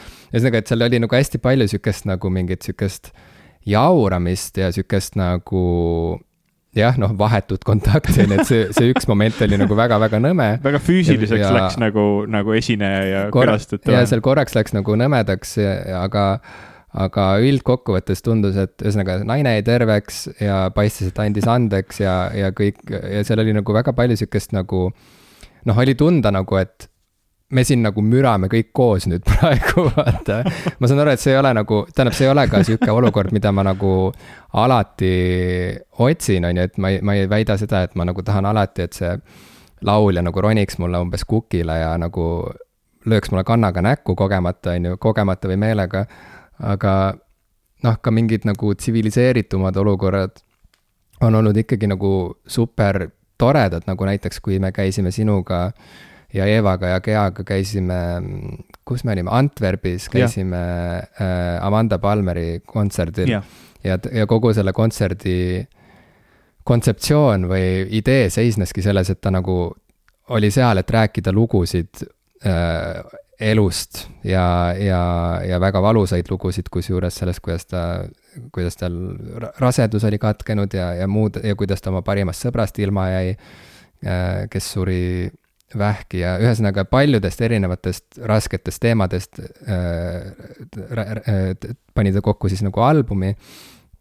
ja, ja, ja kontsert seisnes nagu selles, et ta nagu mitte ainult ei rääkinud neid lugusid, vaid ka enne kontserti käis seal nagu rahva seas ringi ja vestles fännidega ja küsis neilt, et milliseid lugusid ta veel võiks teha täna õhtul, et ta nagu mõtles, et ta teeb nagu vabama kava, vaata mäletad, kui me, see, see kontsert, kus me käisime seal ta nagu oli otsustanud, et ta on nagu väsinud mm. selle põhialbumi lugudest mm, -hmm. mille, mille tähe all ta tegelikult tuurile läks. ja oli otsustanud, et ta teeb lihtsalt sihukese nagu soovilugude õhtu põhimõtteliselt ja sellepärast yeah. ta käis ringi ja küsis nagu nõuandeid, et mis lugusid üldse mängida ja. Ja, ja see kogu see üritus oli nagu nii vahetu, ma arvan, on see põhisõna mida kasutada, see võtmesõna.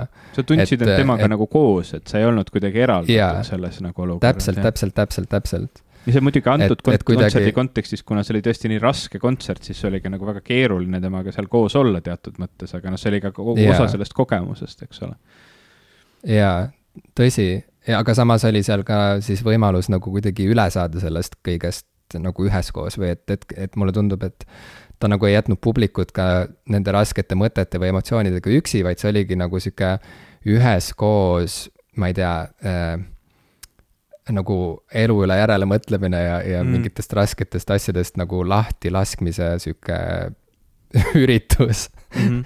noh, ma ei taha minna nii kaugele, äh, et, et hakata nimetama, nimetama seda mingiks nagu grupiteraapiaks või midagi sellist, aga ta oli nagu ikkagi selles mõttes sihuke nagu äh, noh, see võimalus nagu midagi, midagi väga inimlikku ja isiklikku jagada ja selle läbi kuidagi nagu tuua mingit sihukest nagu kergendust ja lohutust nagu inimeste ellu, vaata. et ja, ja noh, selles mõttes väga erinev sellest Ariel Pinki kontserdist on ju, et kedagi nagu, keegi nagu, kelle, kellelegi näkku ei virutatud mitte millegagi ja nii edasi. Vaid oli hoopis, hoopis nagu hardamad ja yeah., ja nagu humoorikamad siuksed noodid olid õhus, on ju aga ikkagi jällegi, et kui, kui mõelda sellest, et mille nimel üldse teha kontserte või mille nimel ronida lavale ja kohtuda oma fännidega päriselt, et siis mulle tundub, et äh, ma saan aru, kuidas mingil hetkel elus on võimalik jõuda punkti, kus nagu, eriti jällegi, kui sa oled sihuke bänd nagu Tool, kus sul ongi nagu sihuke maailma kõige keerulisem proge-rock muusika, on ju, et siis sa ei saa seal nagu ülemäära mm -hmm. palju nagu jaurata ja mm -hmm. lihtsalt improviseerida, sest muidu Kuigi läheb absoluutselt kõik täiesti metsa. progebändid on ikkagi väga kõvad improvisaatorid ka olnud. aga noh, see on nagu ka sihuke džämmi värk, vaata nagu kohati. jaa. et noh, kui sul on juba seitsmekümne minuti pikkune lugu, siis sa ei saa sinna veel nagu kakskümmend minutit džämmi vahele toppida. see läheb nagu raskeks see kõik jaa, jaa ja noh, nad kirjutavad ikkagi lõpuks teoseid, mitte, mitte džämme. jaa, no just, just, just jah, et see on nagu sihuke ühesõnaga, et sellised mõtted. maha tõmmatud see asi, ma saan aru, see on, see on ka üks oluline aspekt selle juures, et see ei ole. jaa, see sai bucket list'ist maha tõmmatud ilusti, ma lootsin väga, et ma saan bucket list'ist maha tõmmata ka Radioheadi või vähemalt, või vähemalt nüüd The Smile'i, mis on Tom mm -hmm. Yorki ja Johnny Greenwoodi ja, ja, ja veel ühe Tommy sihuke uus bänd, äh, millel tuli nüüd ka uus album välja, mille vinüüli ma endiselt ootan ja kuna ma seda ootan, siis ma ei ole meelega Spotify'st kogu albumit veel kuulanud, aga põhimõtteliselt nemadki siin Inglismaal äh, vaikselt juba tuuritavad ja ja on publiku ette astunud, aga mul ei õnnestunud pileteid saada, et siin mm., siin on nagu mingite piletitega olnud samamoodi nagu Playstationi ja Xbox'i Äh, ostmisega, et äh, suurem osa inimesi lihtsalt ei, ei pääse löögile igal pool on defitsiit. UK ähm, peale kes, Brexitit, on... igal pool on defitsiit. jah, kes, kes sul on äh, bändide bucket list'is, keda sa veel pole näinud, keda sa oled näinud ja, ja keda sa veel pole näinud? no minu, noh, minu jaoks nagu kõige olulisemad kontserdid on olnud Iron Maideni võib-olla kaks esimest kontserti, kus ma esimest korda Soomes üldse kontserdil käisin ja see, kui nad esimest korda Eestis käisid, need olid siis aastatel üheksakümmend üheksa ja kaks tuhat, mis olid sellised esimesed ääretult nagu suured ja tähtsad kontserdid minu jaoks, et need olid nagu väga väga, väga vägevad, ma tahaksin ära näha Baronessi ja mul on selline tunne, et nad on see aasta Eestis, kas nad olid Hard Rock laagris või? Nii et mul, mul on niisugune tunne, et ma näen Baronessi ära. aga mis mul veel on nagu sellised hästi, ma ei teagi praegu, ma ei oska sulle öelda, mis on, mis on mul sellised nagu tõesti, et ma nagu pean nad ära nägema, sest mul on niisugune tunne, et hästi paljude nende asjadega, kuna mul oli kunagi hästi palju neid ja, ja kas mina olen vanaks jäänud või nemad on kohutavalt vanaks jäänud ja mõned juba ka ära surnud ja, ja ära lõpetanud mängimise, noh, ma loomulikult ma oleks tahtnud näha Pink Floydi esinemas, eks ole. ja, ja teatud mõttes ma siiani veel tahan näha Bob Dylanit, aga tead, noh, võib-olla ma ei taha Bob Dylanit näha seda Dylanit, kes on täna, vaid ma noh, nagu teatud mõttes igatsen nende mingite muusikute või artistide seda, seda tippaega, et seda oleks tahtnud näha, aga, aga kõik on tõesti võimatud, et noh, teatud mõttes ma võiksin ju, vist Queen ikka veel käib ja tuuritab mööda maailma ringi, aga mul pole mitte mingit soovi näha seda Queen'i, kes, kes täna tuuritab, eks ole, see ei ole mingisugune bucket list ja ja ma olen käinud äh, kahel korral Rammsteini kontserdil need olid ka üks selline bänd, keda ma ideaalis eh, noh, nagu noh, kui ma ei oleks neid näinud, siis ma tahaks neid näha lihtsalt juba puhtalt selle nagu pärast, mis, kui, kui äge ja kui võimas see, see kõik on. aga jah, ma nüüd ei teagi, eh, kas mul on mingeid siukseid asju, kus ma nüüd tunnen, et tõesti peab nägema. ma vaatan, esimene juuli Baroness esineb Hard Rock laagris see aasta ja, ja teine juuli esineb Devin Townsend, äh, kes, Devin Townsendiga on see asi, et mulle meeldib talt reaalselt üks plaat, mis, mis ei kõla üldse nagu Devin Townsend, nii et võib-olla ma lähen ainult esimesel juulil Hard Rock laagrisse, aga ma tahaksin Baronessi ära mm. näha. jah, vist rohkem ei ole neid, või noh, ma ei oska nagu tõesti praegu välja tuua seda, et mis on nüüd see noh, see tõesti see, see suur asi, mis nendest bändidest, kes täna liiguvad ja tuuritavad, võib-olla see on see Covidi mõju ka, et teatud mõttes ma olen nagu minetanud kogu selle kontserdi värgi oma peas. ma lähen Iggy Popi nüüd kuulama, see on hästi äge, et ma näen no., sinna ma lähen üksi, mul ei olnud kedagi kaasa võtta Iggy Popi kuulama. mu sõbrad, mu sõbrad ei ole seitsekümmend aastat vanad tavaliselt, nii et ta esineb siin, äh, ma ei teagi, mis selle koha nimi oli, vanasti ta oli Nokia kontserdisaal, aga arvestades, et Nokiat enam ei ole pärast millal? ei mäleta, nelja, neljateistkümnendal juunil esineb, kümne päeva pärast ah,. okei siis, siis ma olen veel Inglismaal. jaa. ma oleks muidu tulnud sinuga. ei, ma usun, et sa oleks tulnud, see on äge kontsert, aga, aga nii ta on mm.. jah väikene tüdruk annab emale käe, väikene tüdruk veel varje ei näe, kinnastes käsi ta silmadelt rähma pühib ja nüüd ta siis näeb ja siis, mis siis saab? et elu on varjude mäng. siis astub lavale Kuidas bänd. Tsit... jah kuidas see tsitaat sulle praegu ette sattus? sa rääkisid sellest, ma ei tea, kuidagi me rääkisime kontserditest ja mul selle kohaga, siis tuli ikka kohe see, see lause meelde ja siis astub lavale bänd see on väga hea avalugu, rääkides albumite, me rääkisime nagu avasekunditest ükskord, et millised on yeah. parimad avasekundid olnud erinevatel albumitel. aga rääkides avalugudest, ma ütleks, et see on üks säravamaid avalugusid. see tõesti on hea avalugu, jah. mis mi,, mi, mida ma üldse tean. Äh, te, kes, kes siis ei tundnud ah,, tegelikult see ongi sihuke, see on niisugune mõistatamismäng, et äh, mõistatage, mis, mis bändiga on tegu, kellest me praegu räägime Nendel oli minu meelest Aga..., nendel oli minu meelest üks veel siuksem ägedam live-lugu, mis mulle kohutavalt meeldis, mis vist kunagi ei plaadistatudki, aga see oli seitse koma kaks tonni terast ja metalli. see nimi mm. on juba selline nagu rõske. ja, ja, ja, ja, kas tõmbame täna kokku? No me, tõmbame, ma saan aru, et sa minu bucket list'i bände ei taha kuulda viisakusest ah, vabandust, isegi. vabandust, räägi, ei, ei, räägi mulle ei, oma bucket list'i bändidest, Jim. kui ei olnud huvi, siis ei ole vaja ütle vähemalt üks, vabandust. no ma väga tahaksin Radioheadi ikkagi näha no live'is ka okay., mul on siuke tunne, et see on, see on mu elust puudu reaalselt, et see, see, mis sa rääkisid, et on tunda, et kas ise oled vanaks jäänud või bändid on vanaks jäänud või on muusikud vahepeal ära surnud, et see, kõik kehtib ka minu puhul, ma tunnen sama.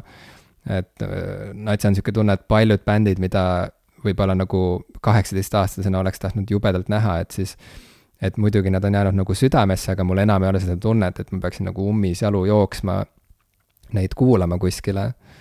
aga jaa, või võib-olla jah, Radiohead ja, ja James Blake, et ma pidin James Blake'i minema kuulama koos Keaga siin nüüd äh, mõned nädalad tagasi. ja tema on sihuke artist, kelle looming on kuidagi noh, nagu sidunud mind ja Kead ka ja, ja, ja me oleme nagu kuidagi pidevalt jälginud James Blake'i arengut ja käekäiku ja tema sellist nagu teekonda albumist albumisse ja nii ja nüüd Keha käis ja see oli fantastiline kogemus loomulikult, sest et mind ei olnud seal, et alati on see FOMO teema, vaata, et need üritused, millest sa ilma jääd, need on need, mis lõppkokkuvõttes on, on need kõige ägedamad. Mm.. Äh, aga jaa, et ähm, et need kaks, kui ma pean nagu kiiruga vastama, siis need, need kaks oleks äh, siuksed, mida tahaks nagu kindlasti ruttu, ruttu veel näha, enne kui, äh, enne kui see üritus siin läbi saab ja ürituse all ma pean silmas siis elu. aa ah, mm, -hmm. ürituse siin elu. ka, vot mm -hmm. me mhm. jõudsime tagasi algusesse, mul on sihuke tunne, et, et sellepärast sellel kõigel ongi, et miks me seda kõik teeme, me lihtsalt üritame yeah.. me üritame yeah, kuidagi hakkama üritame. saada. jälgige kindlasti yeah. meie sotsiaalmeediakanaleid nüüd hästi hoolega, sellepärast et me ikkagi püüame, vähemalt mina õudselt püüan drive ida seda, et me selle laivi siin juuli alguses kuhugi ära planeeriksime ja teeksime ja selleks me peaksime hakkama tegelikult juba varsti teada andma, millal ja kus see võiks toimuda. ja siis muidugi eriti tore oleks, kui mõni teist ka sinna kohale tuleks, sellepärast et muidu on see hästi kurb meile, on ju. ja, et noh, üritage kohale tulla. jah püüdke. aitäh teile